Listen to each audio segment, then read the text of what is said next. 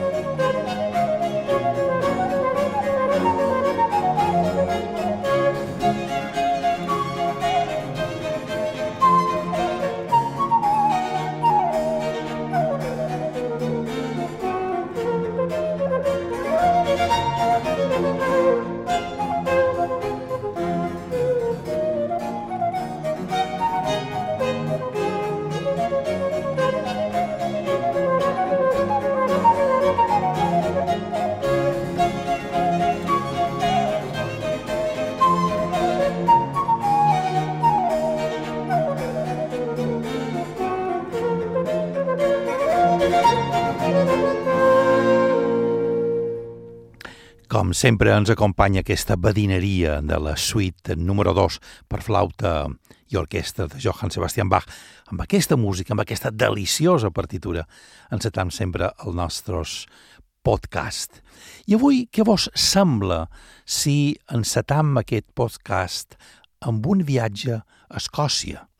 I doncs sí, un viatge musical a Escòcia. El viatge el va fer no un músic escocès, sinó un músic alemany, Félix Mendelssohn, un home que va viatjar bastant durant, el seu, durant la seva època, durant la seva vida, i de cada país allà on anava intentava agafar coses, intentava agafar sensacions, intentava aprendre del lloc allà on anava. I arran d'un viatge que va fer a Escòcia, va escriure la sinfonia número 3, que porta el sobrenom de Sinfonia Escocesa.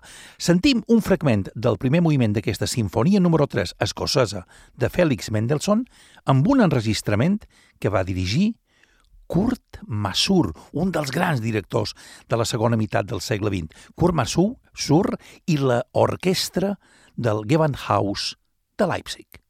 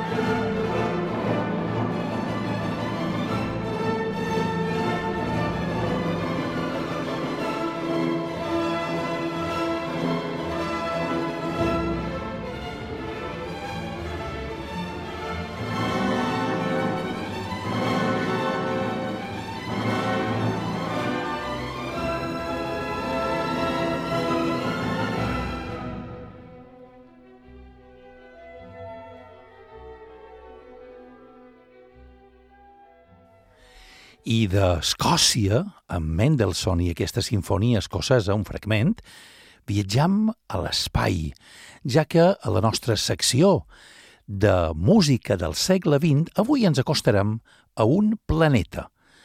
Gustav Holst, l'any 1918, va estrenar a Londres una suite, una espècie de eh, fantasia musical allà on intenta retratar musicalment els set planetes, a part de la Terra, naturalment, coneguts en aquell moment, Mercuri, Venus, Mart, Júpiter, Saturn, Urà i Neptú.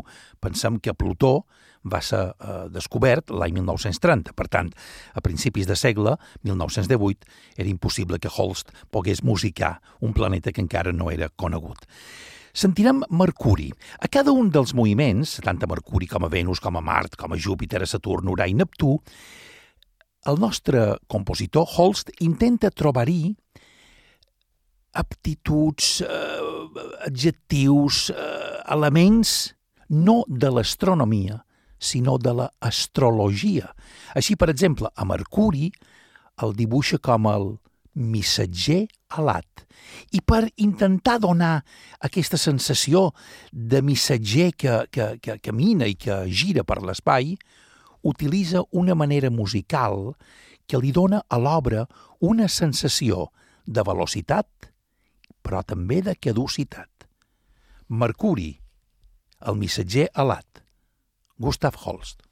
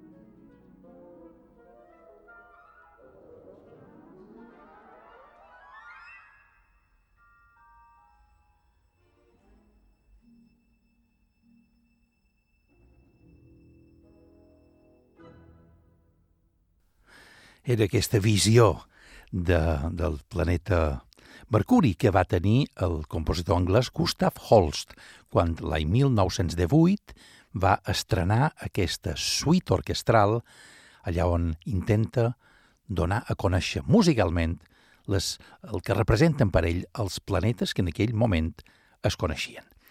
Això era la nostra aportació a, a, diguem, a la música del segle XX. I la nostra secció, que solem tenir des d'ara, dedicada a nomenclatura, avui explicarem què és un oratori. Un oratori és una obra musical amb orquestra, cors i solistes vocals. Oratoris famosíssims de Bach, Händel, Beethoven fins i tot, i Haydn. Haydn té dos magnífics oratoris. Un és les estacions i un altre la creació. Per tant, ja que han sentit Mercuri, han sentit un planeta, per què no anem a la creació del món amb el nostre amic Haydn.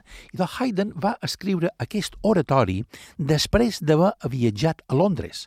Ell vivia a Alemanya, naturalment, eh, era austríac, vivia eh, al centre Europa i va viatjar a Londres. I a Londres va tenir ocasió d'escoltar el Messies de Händel i va dir, aquesta obra és fenomenal, aquesta obra és sensacional, jo vull fer una cosa semblant. Clar, havien passat ja bastant d'anys des de l'estrena del, del Messies de Händel. I quan va tornar al seu país va pensar, vull fer un oratori que sigui semblant al Messies de Händel, però amb, les, amb els instruments i, la, i les formes musicals pròpies de la meva època, que era el classicisme. Aleshores va començar a escriure i va escriure la creació. La creació es considera el primer, el primer oratori pensat per durar. És dir, el va escriure no pensant que se representàs o que se tocàs en vida seva un parell de vegades, que era el que passava en les obres normalment dels grans compositors. Händel feia una, un oratori, se representava un any o dos o tres i, i tornava de, en feia un altre. I anaven, i Bach igual, cada setmana pràcticament feia una cantata, se cantava i, i ja està. En canvi, Haydn va dir, no, jo vull fer un oratori que segurament se cantarà al llarg dels segles. Quan jo me mori, també seguirà cantant-se, cosa que està passant, que passa a l'actualitat. La creació de Haydn és avui considerat un dels grans oratoris de tots els temps. Per tant, sentim un fragment, un tercet de la segona part de la creació de Haydn.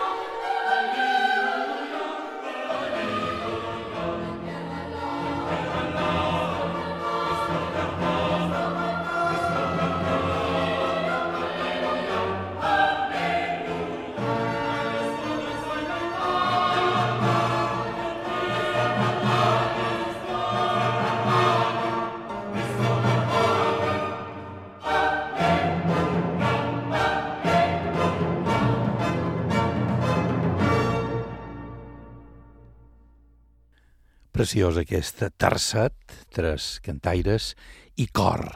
Eh, pertany aquest moment que hem escoltat a la segona part de la creació de Franz Joseph Haydn, un oratori magnífic. Oratori, recordeu aquesta forma musical, cors, orquestra i solistes vocals.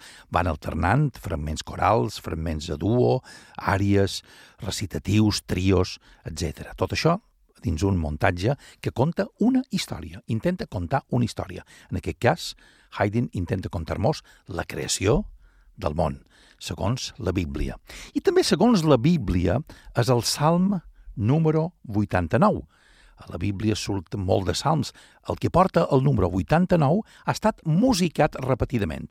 Però avui escoltarem en aquesta secció, mini-secció, que solem titular Música infreqüent, sentirem un una harmonització, una creació, utilitzant el Salm 89 que ha fet un compositor anglès, Stuart Turnbull, un home que encara no té 50 anys, un jove compositor anglès, Stuart Turnbull, ha musicat per veus aquest Salm 89. És el que avui vos acostam a través de la nostra intitulada secció Música infreqüent.